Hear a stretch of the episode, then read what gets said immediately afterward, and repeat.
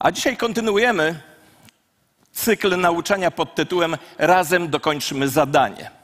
Tydzień temu mówiłem o tym, że Bóg wzywa nas do tego, byśmy byli Jego ambasadorami, świadczącymi o Jego mocy, miłości, o Panu Jezusie Chrystusie tak na poważnie. Ponieważ ten świat dzisiaj potrzebuje agentów Pana Boga, ambasadorów Pana Boga, posłów Pana Boga, ponieważ jesteśmy wyzwani do tego, wyzwani do tego, by w miejsce Chrystusa sprawować poselstwo. Ten rok rozpoczęliśmy od nauczania pod tytułem Otrzymacie i będziecie. Otrzymacie Ducha Świętego i będziecie świadkami Jezusa Chrystusa, bo to największy przywilej dla człowieka wierzącego, a także największa odpowiedzialność. A dzisiaj, kontynuując ten cykl, chciałbym z Wami przeprowadzić krótki kurs wskrzeszania zmartwych. Ja od lat ten kurs prowadzę w wielu miejscach. Był taki czas w moim kaznodziejskim życiu, że byłem zapraszany, by takie szkolenia przeprowadzać, bo potem można sobie wydrukować taką wizytówkę. Yy, Arkadiusz Iksiński, specjalność wskrzeszanie zmartwych. Na pewno by to przyciągnęło uwagę, ale mówiąc na poważnie, Bóg chce uczynić Ciebie, jeśli jesteś osobą, która została wskrzeszona do życia przez Jezusa Chrystusa, do duchowego życia, to jesteś powołaną osobą do tego, żeby kontynuować służbę Pana Jezusa, wskrzeszając innych z martwych. Dlatego dzisiaj właśnie będziemy przeprowadzać ten krótki kurs wskrzeszenia z martwych, bo dokończenie tego zadania jakim jest ewangelizacja, polega na wskrzeszaniu ludzi, którzy z powodu swojego grzechu, niewiary w Chrystusa, pozostają nadal w duchowej śmierci. Ale, żeby być Bożym narzędziem do wskrzeszania innych do duchowego życia, to muszę z perspektywy Bożej zrozumieć, w jakiej sytuacji jest świat i ludzie, wśród których przyszło nam żyć. Chciałbym dzisiaj posłużyć się pewną historią. Historią, chociaż jestem uczony w seminarium, żeby nie robić tego, co za chwilę zrobię, to dzisiaj chciałbym posłużyć się pewną historią biblijną, która jest pewnego rodzaju pretekstem do powiedzenia kilku ważnych rzeczy, które jeśli zastosujemy do naszego życia, będziemy skutecznymi osobami, w kontynuowaniu dzieła Jezusa Chrystusa, jakim jest wskrzeszanie ludzi, którzy są w duchowej śmierci. Jak już mówiłem, uczono mnie, pamiętaj nigdy, nie mów kazania, wykorzystując tekst jako pretekst. Wybaczcie, dzisiaj tekst będzie pretekstem, ale to, co będę mówił, jest głęboko oparte na Bożym Słowie, ale także na moim osobistym doświadczeniu wieloletnim. Posłuchajcie historii, ona jest zapisana w drugiej księdze królewskiej w czwartym rozdziale od ósmego wiersza. To jest bardzo ciekawa i dramatyczna jednocześnie historia z fantastycznym zakończeniem. Któregoś razu Elizeusz, to był wielki prorok, przechodził przez Szunem. Mieszkała tam pewna zamożna kobieta. Zatrzymała go na posiłek. On odtąd już stował się u niej, ilekroć tamtędy przechodził. To chyba lekcja dla mnie też. Ona zaś powiedziała do męża: Jestem pewna, że ten mąż Boży, który wciąż tędy przechodzi, jest święty. Wymurujmy mu, proszę, małą komnatę na naszym płaskim dachu, wstawmy do niej łóżko, stół, krzesło i lampę. Niech ma się gdzie przespać, gdy znowu nas odwiedzi. Kiedy więc Elizeusz pojawiał się u nich, zaszedł do tej komnaty i położył się tam na spoczynek. Polecił wówczas swojemu słudze Gehaziemu: Proszę, zawołaj tę kobietę. I Szunamitka wkrótce stanęła przed nim. Już przez Gehaziego. Elizeusz wyraził jej wdzięczność, kazał przekazać, że docenia troskę, którą mu okazała. Kiedy więc przyszła, zapytał: Czy moglibyśmy coś dla ciebie zrobić? Może moglibyśmy powiedzieć coś królowi lub dowódcy wojska? Dziękuję, odpowiedziała. Mieszkam tu wśród swoich i czuję się bezpieczna. Gdy Elizeusz nie przestał zastanawiać się, co może by dla niej uczynić, Gehazi zauważył. Właściwie nie ma ona syna, a jej mąż jest już starszy. Zawołaj ją, ją zatem, polecił Elizeusz. Gdy znów stanęła u wejścia, Elizeusz zapowiedział: O tej porze za rok będziesz piastować syna. Muszę wam powiedzieć, że za każdym razem, jak czytam te słowa, to dreszcze mi przechodzą przez moje ciało. To jest niezwykła historia. Ależ mój panie, mężu Boży odpowiedziała, nie łudź swojej służącej. A jednak kobieta ta poczęła i za rok o tej porze urodziła syna, o której powiedział jej Elizeusz. Gdy chłopiec podrósł, wyszedł pewnego dnia na pole do ojca do żniwiarzy. Wtem zawołał do ojca: Oj, moja głowa, moja głowa. A ojciec polecił słudze: Zanieś go do jego mamy. Sługa to uczynił, a chłopiec przesiedział na jej kolanach do wczesnego popołudnia i zmarł. Wtedy matka zaniosła go na górę, położyła na łóżku męża Bożego, wyszła i zamknęła drzwi za sobą. Chciałbym tę historię, w tym momencie ona jest bardzo tragiczna, wręcz dramatyczna. E, akcja, zmiana akcji jest niesamowita, spełnia się jedno z największych marzeń, a może największe marzenie, posiadanie dziecka, syna. To dziecko przychodzi na świat i gdy już jest jakiś czas w rodzinie, umiera. Chyba nie ma nic trudniejszego dla życia rodziców, kiedy dziecko odchodzi we wczesnym wieku, umiera. Tak tu się dzieje. Ale ta historia zawiera bardzo fundamentalną prawdę, którą musimy przyjąć, ponieważ jest to prawda, która wypływa z Bożego Słowa i jest wieloma fragmentami Pisma Świętego, zarówno Starego, jak i Nowego Testamentu, potwierdzana. I chciałbym, żebyśmy tę prawdę zrozumieli i przyjęli głęboko do serca, że ludzie niewierzący Chrystusowi, zauważcie, ja nie mówię ludzie, nie, ludzie niewierzący w Chrystusa. To jest zupełnie inne słowo. Ludzie niewierzący Chrystusowi są duchowo martwi. Jedna z fundamentalnych prawd Bożego Słowa to prawda o tym, że otaczający nas świat jest w chaosie, jest w duchowej ciemności, jest w duchowej śmierci. Chociażby apostoł Paweł mówi: Umarliście przez upadki i grzechy wasze. Niegdyś byliście martwimi, mówi Pismo Święte w innym miejscu. I jeśli nie zrozumiemy tej prawdy o duchowej śmierci ludzi, którzy nie znają Boga, nie znają Chrystusa, to nie będziemy wpływali na świat, ale to świat będzie wpływał na nas. Kochani, ja wypowiedziałem bardzo ważne zdanie. Jeśli nie rozumiemy prawdziwej kondycji tego świata i ludzi nieznających Chrystusa, jeśli nie rozumiemy tego, że ten świat jest w duchowej śmierci, to wówczas nie my wpływamy na świat, ale to świat wpływa na nas. Będzie wywierał wpływ na ciebie. A że ten świat jest pogrążony w śmierci, to będzie wywierał na ciebie śmiertelną presję. Ja wiem, że to jest radykalne, ale to jest biblijnie prawdziwe. Jeśli nie masz właściwego zrozumienia, w jakiej kondycji jest świat, to będzie on obiektem pożądania, a nie ratowania. Nie będzie on obiektem miłości, ale zazdrości.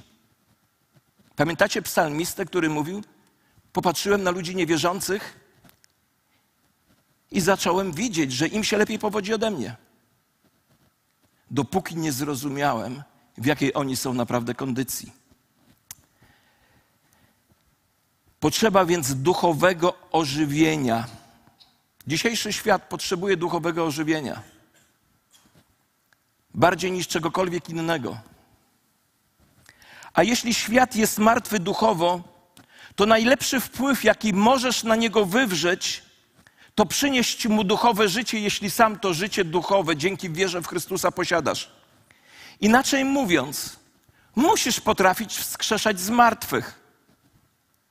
Sam Chrystus posyłając kiedyś powiedział: Uzdrawiajcie chorych, wskrzeszajcie z martwych. Oczywiście miał też na myśli, a może nawet przede wszystkim w tamtym momencie, tę prawdziwą fizyczną śmierć, prawdziwą, źle powiedziałem, fizyczną śmierć. Musisz mieć umiejęt, posiadać umiejętność wskrzeszenia z martwych, a wskrzeszanie jest jedynie możliwe przez moc dobrej nowiny, przez moc Ewangelii o życiu, śmierci i zmartwychwstaniu Chrystusa. A ta wieść musi być przekazywana w mocy Ducha Świętego. I od tego fundamentalnego stwierdzenia zaczynam właśnie dzisiejsze nauczanie. Ludzie niewierzący Chrystusowi są duchowo martwi. Od tego właśnie zaczyna się nasza podróż bycia świadkami Jezusa Chrystusa, ambasadorami.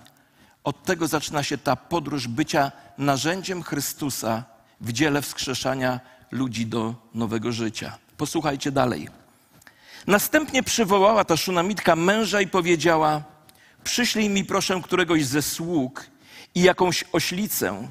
Wybiorę się szybko do męża Bożego i wrócę.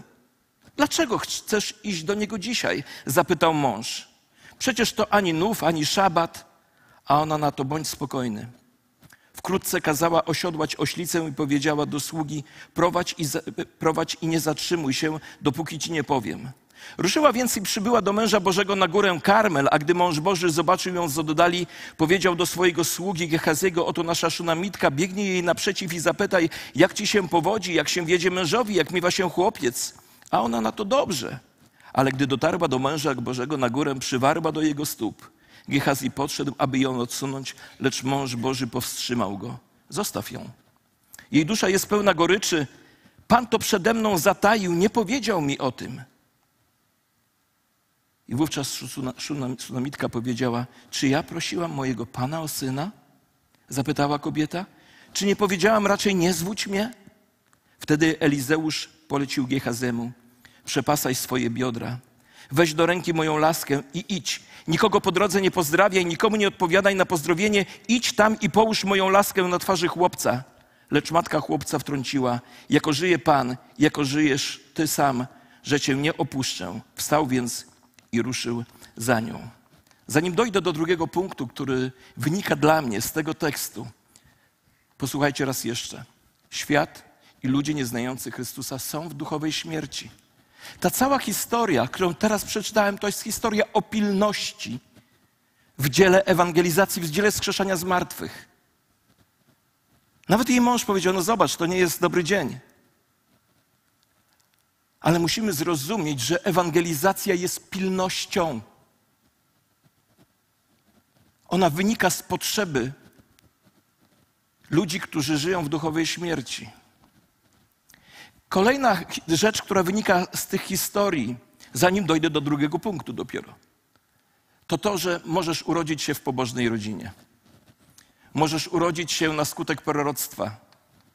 Możesz mieszkać nawet w pokoju świętych ludzi i ciągle potrzebujesz wskrzeszenia z martwych. Ani pochodzenie religijne, rodzinne czy jakiekolwiek inne nie czyni cię żywym, tylko wskrzeszenie może żywym ciebie uczynić. Pierwsza więc rzecz, świat, w którym żyjemy, jest duchowo martwi, ludzie tak samo. Ale druga rzecz z tej historii, którą ja odczytuję, to myśl, która mnie dotyka, kiedy widzę, jak prorok, który jest wezwany do tego, żeby pójść i wskrzesić dziecko z martwych, wysyła swojego sługę.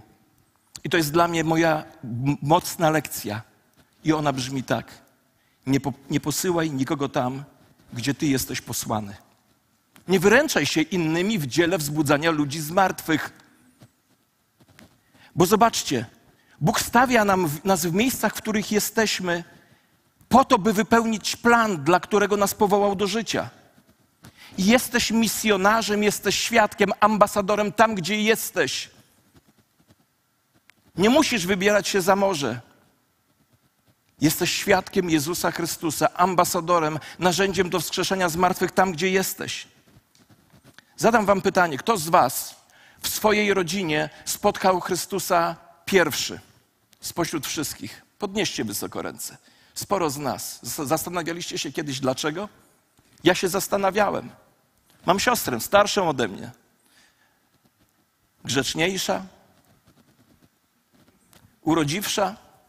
Trudno uwierzyć, ale tak jest. bardziej wykształcona? Ale to ja spotkałem Chrystusa jako pierwszy. Może dlatego, że to, co słabego u świata wybrał Bóg, może to, co niezbyt mądre wybrał Bóg, żeby przez takich właśnie ludzi inni doświadczali życia. Więc chcę Ci powiedzieć, nie posyłaj innych tam, gdzie Ty masz być posłany. Dlatego, że ze swoimi silnymi stronami, ze swoimi słabymi stronami jesteś najlepszym, by być Bożym narzędziem. Chrystus Ciebie potrzebuje. Chrystus potrzebuje Ciebie, by innych przywracać do życia. Jak myślisz? Czy są wokół Ciebie osoby, które jeśli Ty im nie powiesz Ewangelii, to mogą jej nie usłyszeć albo to się rozciągnie w czasie? Jak myślicie, są tacy ludzie? Że jeśli wy im nie powiecie, to może nikt inny wam im nie powie? Pamiętam, jak mama jednej osoby, która jest u nas w kościele, dzieliła się z nami w seminarium bolesnym świadectwem. To były czasy tak zwanej komuny. Przychodziła do jednego domu, by zamieniać y, środki z zachodu na bony, czy odwrotnie. Pamiętacie te czasy? I któregoś razu przyszła do, tego, do mieszkania i usłyszała w sercu swoim, powiedz temu chłopcu Ewangelię. To był syn kobiety, która pomagała tej, tej naszej znajomej. Powiedz, miała ogromną presję, żeby to zrobić. Czuła, że powinna, ale zawstydziła się. Gdy przyszła za miesiąc, żeby załatwić swoje sprawy, w drzwiach stanęła kobieta ubrana na czarno. Ta sama kobieta w żałobie z powodu śmierci swojego syna. Pamiętam, jak ta kobieta dzieliła się z nami tą, tą historią z bólem w sercu. Że mimo tego, że miała wewnętrzne przekonanie, nie podzieliła się Ewangelią. Kochani, my ciągle w miejsce Chrystusa sprawujemy poselstwo. Pamiętajmy więc, świat jest duchowo martwy i nie wyręczaj się innymi tam, gdzie Ty jesteś posłany. To jest Twój przywilej i Twoja odpowiedzialność, i będzie także to Twoja radość. Posłuchajcie dalej, lecz matka chłopca wtrąciła: Jak żyje Pan i jak żyjesz Ty sam, że Cię nie opuszczę. Wstał więc i ruszył za nią. Gehazi mimo to pośpieszył przed nimi i położył laskę na twarzy chłopca. Chłopiec jednak nie wydał żadnego głosu, ani nie zdradził żadnych oznak życia. Gehazi wziął laskę proroka. Wiecie, to była laska, którą prorok dokonał wielu cudów. To było narzędzie, którego prorok używał w różnych sytuacjach, było zamanifestować się mogła Boża moc. Tym razem metoda nie zadziałała. Ja trochę przewrotnie czasami mówiąc, ucząc z tej historii, mówię, słuchajcie, metoda z użyciem laski na laskę nie zadziałała. Bo chcę wam powiedzieć, że metoda bez włożenia serca nie działa. Żadna metoda bez włożenia serca nie działa. Pamiętam, jak wiele lat temu Bóg używał mnie do modlitwy o chrzest w Duchu Świętym. Z kimkolwiek się modliłem, ludzie doświadczali chrztu w Duchu Świętym z mówieniem językami. Jak to się działo? Bóg mi objawił kilka fragmentów swojego słowa w pewnej kolejności. I gdy czytałem komuś te fragmenty Bożego Słowa, to Bóg używał tych fragmentów Słowa Bożego, bo wiara jest ze słuchania Słowa Chrystusowego. Więc to, to słowo słuchane było wzmacniane obecnością Ducha Świętego, wzbudzało wiarę w ludziach i ludzie doświadczali chrztu w Duchu Świętym z manifestacją darów. Wierzyłem, że Bóg używa tego słowa, by wzbudzić wiarę i by ludzie mogli doświadczyć. Ale coś się stało najpierw w moim sercu, a potem w mojej głowie. Najpierw wierzyłem, że to Bóg używa swojego słowa, by wzbudzić wiarę i by ludzie mogli doświadczać pełni Ducha Świętego, a później zacząłem myśleć, że tak przeczytane fragmenty Bożego Słowa, ta metoda przeczytania w taki sposób Bożego Słowa uruchamia Pana Boga, a On zadziała. i skończyło się. Już nigdy to się nie powtórzyło, ponieważ zacząłem pokładać ufność nie w Bogu, ale w narzędziu. Chcę Wam powiedzieć, żadne narzędzie, najpiękniejsze jakie by nie było, nie zadziała, jeśli wcześniej nie włożymy w to modlitwy i serca. Marcin Luther powiedział: Metoda bez modlitwy to bezczelność. Poproszę o slajd z naszym programem, z naszym narzędziem, którym nazywamy jedno słowo. Słuchajcie, fantastyczne narzędzie. 600 tysięcy ludzi usłyszało Ewangelię. Kilka dni temu mój przyjaciel spotkał kogoś z kościoła i ten człowiek powiedział mu: Słuchaj, stoję całym sercem za tym narzędziem. Jest niesamowite. Jestem poruszony, jak słucham. I wtedy ten mój kolega powiedział mu: Słuchaj, a może byś nagrał swoją historię? Ten człowiek powiedział: Wiesz, jak trochę się krępuję nagrywać takich historii, ale chcę ci powiedzieć, że ilekroć odsłuchuję tę historię, ilekroć się wysyłam komuś tę historię, to zarówno modlę się o osobę, którą, która głosi słowo, jak i osobę, do której wysyłałem to. Chcę Wam powiedzieć, to jest fantastyczne narzędzie, ale ono zadziała, jeśli wcześniej włożymy modlitwę zarówno o tych, którzy to mówią, jak i o tych, których będzie to docierać, ponieważ żadna metoda bez włożenia serca nie zadziała. To jest kolejna myśl. Druga myśl.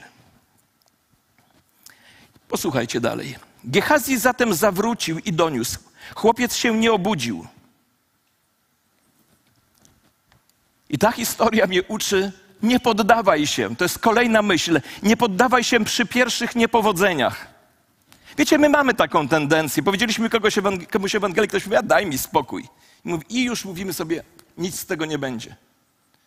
Ja mam sporo takich historii, kiedy w pierwszym odruchu ktoś mówił, nie chcę, ale potem wracał do domu i myślał o tym. I nie dawało mu to spokoju. Mam historię znajomego, który po 14 latach spotkał się ze mną i powiedział mi: Krzysiek, odkąd zaprosiłeś mnie na zimowisko, nie było ani jednego dnia przez te 14 czy 13 lat, żebym nie myślał o Ewangelii, którą na zimowisku usłyszałem. Nie było ani jednego dnia przez 14 lat. I dzisiaj przychodzę, żeby powiedzieć: Jezus jest moim Panem. Nie poddawaj się przy pierwszych niepowodzeniach. Nie poddawaj się. Lecz matka chłopca wtrąciła: Jak żyje Pan i jak żyjesz Ty sam, że Cię nie opuszczę. Wstał więc i ruszył za nią. I to kolejna rzecz. Chcesz strzeszać ludzi z martwych? To opuść wreszcie swoje bezpieczne miejsce. Bo Kościół to wspólnota chodzących, a nie siedzących. Kościół to wspólnota chodzących, a nie siedzących. Opuść bezpieczne miejsce. Apostoł Paweł mówi: Nie wstydź się ani Ewangelii, ani tych, którzy są tej Ewangelii świadkami. Nie wstydź się Chrystusa. Może myślisz, no jak zacznę mówić, to stracę pracę. Ja, gdy spotkałem Chrystusa, byłem nauczycielem w szkole. Zacząłem dzielić się Ewangelią z uczniami, zacząłem dzielić się Ewangelią z nauczycielami. Pamiętam, jak któregoś razu wchodzę do klasy sąsiedniej, a wokół mojej koleżanki, nauczycielki, cała grupa dzieciaków zebrana. A ona trzyma książeczkę ewangelizacyjną i czyta ją tym dzieciom, bo coś przeżyła w swoim sercu. Wiecie, miałem w kościele, gdy kiedyś byłem pastorem w pewnym mieście. Dwóch chłopaków z kościoła postanowiło, że będą głosić Ewangelię od domu do domu. Wiecie, od razu to się kojarzy ze świadkami Jehowy. Ale oni pojechali do miasta, gdzie była jednostka wojskowa. To były za czasów komuny jeszcze, pamiętajcie. Więc schodzili od domu do domu i nikt ich nie przyjął. Cały dzień. Wieczorem weszli na, do osiedla wojskowego przy jednostce. Zastukali do drzwi, otworzył człowiek Mówią mu, że chcieli mu powiedzieć Ewangelię. On mówi, panowie, no nie mam czasu, ja tu pracę robię, no nie mogę. Oni mówią, niech pan nas spuści, nikt przez cały dzień nas nie wpuszczał. No dobra, wejdźcie. Powiedzieli mu Ewangelię. On był pułkownikiem, majorem Wojska Polskiego wtedy, elektrotechnikiem. Wyszli, a on miał popsuty sprzęt i wiedział, że nie jest, to, jest, jest nie do naprawienia. I powiedział, dobra Boże, jeśli jesteś, Jeśli to jest prawdą, co oni mówili, to kładę ręce na tym sprzęcie i go napraw. I tak się stało. Następnego dnia, niedzieli już był w kościele, a był odpowiedzialny w jednostce wojskowej, zaznaczam, że to były tamte czasy, za szkolenie młodego żołnierza. Przez cały rok tak zajęcia ułożył, że 10 ostatnich minut poświęcał na mówieniu Ewangelii. I po roku ocknął się, że może wojsku się, że się mogli, że dowództwu to nie podobać. Po roku do niego to doszło. A wiecie, stało się odwrotnie. Jak ktoś nie chciał służyć z powodów religijnych, to zawsze jednostka go wzywała, mówi, porozmawiaj z Biblią w ręku z tym człowiekiem, jak to jest. Nie wstydź się. Nie wstydź się. Opuść swoje bezpieczne miejsce. Gdy Elizeusz wszedł do domu, chłopiec leżał martwy na jego łóżku. I to jest kolejna myśl. Noś ludzi, niech ludzie leżą w Twoim sercu. Powiem to tak brutalnie. Niech, ci ludzie, niech ludzie Tobie leżą, a nie wiszą. Niech ludzie Tobie leżą, a nie wiszą. Nie, nie wpłyniesz na świat, jeśli Tobie na ludziach nie zależy. Noś ludzi w swoim sercu. To jest pasja. Wszedł więc do środka, zamknął drzwi przed obojgiem i zaczął modlić się do Pana. I to jest kolejna myśl. Módl się o nich w odosobnieniu. Powiedziałem Wam, że metoda bez modlitwy to bezczelność. Zaraz Wam coś powiem o tym, czym jest modlitwa bez metody. Ale módl się o tych ludzi w odosobnieniu. Bóg jest w miejscu odosobnienia. Tam jesteś Ty, Bóg i ta osoba, która leży w Twoim sercu. Nic się nie rozprasza. Może wtedy usłyszysz głos od Boga, który powie Tobie, co masz zrobić, jakiej metody masz użyć. I tak jak Marcin Luther powiedział, metoda bez modlitwy to bezczelność, to potem dodał modlitwa bez metody, czyli bez, bez działania, to jest obłuda. To jest obłuda. Módl się o ludzi i zacznij działać. Potem wszedł na łóżko i położył się na chłopcu. Ja wiem, że dzisiaj to, ten tekst brzmi trochę dziwnie. Ułożył usta na jego ustach, oczy na jego oczach i dłonie na jego dłoniach. I wiecie, co ja widzę w tej historii? Chcesz wskrzeszać z martwych ludzi? To naucz się ich rozumieć. Dotknij ich życia, poczuj, jak oni żyją. Dotknij ich oczu swoimi oczami, żebyś zobaczył, w jaki sposób patrzą na świat. Dotknij ich ust swoimi ustami, żebyś potrafił do nich mówić w zrozumiały sposób. My dzisiaj próbujemy ludziom wcisnąć coś, bez próby zrozumienia ich. Ta historia mówi nam o tym. Poczuj, zobacz i zakomunikuj, tak żeby było to zrozumiałe. I przykład z mojego życia. Rozmawiam na ulicy z chłopakiem o Ewangelii. I z jednej strony próbuję, i z drugiej, i z trzeciej. Nic nie wychodzi. Wściekły odszedłem od niego. Idę zły. I zatrzymuje mnie człowiek z kościoła. O, widziałem, że rozmawiałeś z Iksińskim. Mówię, tak, ale to tam oporny, twardy, taki... A on mówi do mnie, wiesz, gdy się urodził i był małym chłopcem, ojciec ich zostawił na pastwę losu. Matka popadła w chorobę psychiczną, całe życie zajmowała się nim babcia, która była zaborcza. I stałem, mówiłem sobie, ty głupku. Przepraszam za takie słowa, ale tak o sobie pomyślałem. Próbowałeś mu coś wcisnąć bez próby zrozumienia człowieka. Musisz zacząć czuć tak, jak ludzie czują, widzieć tak, jak oni widzą i mówić do, mówić do nich w zrozumiały sposób. To jest metoda. Ona musi wynikać ze zrozumienia osoby, jej potrzeby, jej języka komunikacji, które on rozumie. Wiecie, dlaczego dziś używamy dzisiaj, tak namawiamy was do tego, żeby posługiwać się między innymi, między innymi jednym słowem? Bo przeciętny Polak codziennie, wiecie ile godzin spędza w internecie? Sprawdźcie, będziecie zaskoczeni. Będziecie zaskoczeni. Dzisiaj ludzie są w komórkach w komputerach. Dlatego tam jesteśmy. I, roz, I, tam mówimy w zrozumiały sposób, bo tam są ludzie. To jest proste. A dalej czytamy: Otulił go sobą i rozgrzał ciało dziecka. Potem wstał, chodził po komnacie w jedną i w drugą stronę. I dla wielu ludzi to już jest sukces. Ale to nie był sukces. Ciało dziecka się rozgrzało. Ale dla mnie ta historia mówi: nie przerywaj po pierwszych oznakach życia. Bo my tutaj często popełniamy błąd, a rozgrzanie to nie jest wskrzeszenie. To, że ktoś zaczął chodzić do kościoła, śpiewa, czy nawet czyta Biblię, to jeszcze nie musi być wskrzeszenie, to może być dopiero rozgrzanie. Więc nie odpuszczaj. I dalej czytamy, Elizeusz znowu wszedł na łóżko i otulał chłopca swoim ciałem. Stary przekład mówi, że rozlał się na to dziecko. A w końcu dziecko kichnęło siedem razy.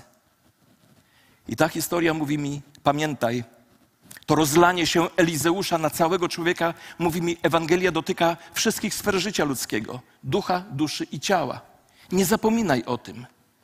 Idąc na świat, jak mówił Billy Graham, w jednym ręku trzymamy Ewangelię, w drugim szklankę zimnej wody, żeby zaspokoić potrzeby świata. Jedno z drugim musi iść w parze. Jedno nie zastępuje drugiego. A dzisiaj mamy tendencję, żeby tylko dać szklankę wody. I dalej czytamy, i otworzył oczy. Lubię ten fragment. Otworzył oczy. Bo wiecie, co jest najlepszym świadectwem tego, że ktoś wskrzeszony został z martwych przez Boga? Najlepszym świadectwem jest to, że zaczyna widzieć świat na Boży sposób. Nie wiem, czy mieliście to doświadczenie. Ostatnio jeden z moich znajomych opowiadał, jak przyszedł tu pierwszy raz do naszego kościoła. No mówi, no nie, no szaleńcy. Ręce w górze, krzyczą, jedni skaczą, śpiewają, co to jest? Ale spotkał Chrystusa.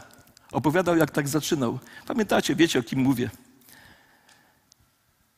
Jak powoli podnosił ręce, jak powoli zaczął doświadczać Boga. Wiecie, co, jak ja miałem? Ja jak spotkałem Chrystusa, zacząłem widzieć, że świat jest kolorowy wokół mnie. I że kwiaty pachną, że ziemia jest tak cudownie stworzona. To jest wskrzeszenie z martwych. Kiedy ludzie zaczynają widzieć w Boży sposób, zaczynają rozumieć, że Bóg ma rację, że Jego przykazania dotykają największych sfer wolności, że On nas kocha, jest zainteresowany. To jest cudowne świadectwo wskrzeszenia z martwych. I posłuchajcie, co się dalej stało. Elizeusz przywołał Gehazego, powiedział: Zawołaj Szumana Mitkę, polecił. A kiedy zjawiła się u niego, powiedział: możesz wziąć swojego syna. I to mi mówi tak, to.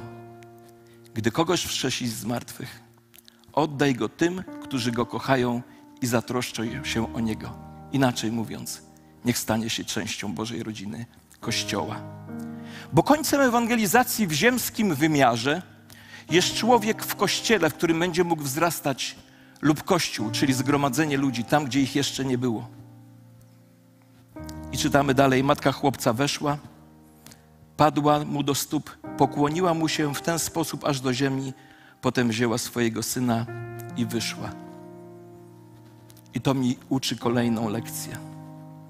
To wszystko będzie potem w internecie w punktach. Ale to jest ostatnia lekcja. Oddaj Bogu chwałę za wskrzeszenie kogoś z martwych, bo tylko On ma moc to uczynić a Ty jesteś narzędziem. Ty jesteś tą Bożą laską, więc tylko Jemu należy się chwała. Dlatego dzisiaj wzywam nas wszystkich, dołączmy do ludzi Jezusa i dokończmy zadanie. Zacznijmy wskrzeszać martwych ludzi. Zobaczcie, zobaczycie, ile wdzięczności będzie w ich sercach. Zobaczycie, jak wiele problemów ujdzie z waszego życia.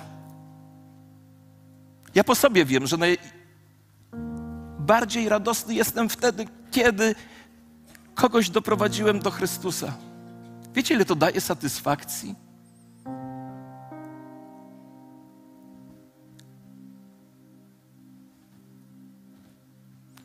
Atmosfera jak w niebie w pewnym momencie. Zapadło milczenie, jakoby na pół godziny, mówi apostoł Jan. Ale dotykamy ważnego tematu. Każdy z nas kto spotkał Chrystusa i został wzbudzony z martwych, jest powołany do tego, by wskrzeszać innych. Pamiętacie, co mówiłem tydzień temu? Spróbuj być Bożym narzędziem w tym roku do wskrzeszenia dwój, dwóch ludzi. Tylko dwóch ludzi. Jak się tak zaczniesz modlić, Bóg da więcej, bo Bóg jest hojny. Ale zacznij się modlić. Zacznij się modlić o to, a Bóg da więcej.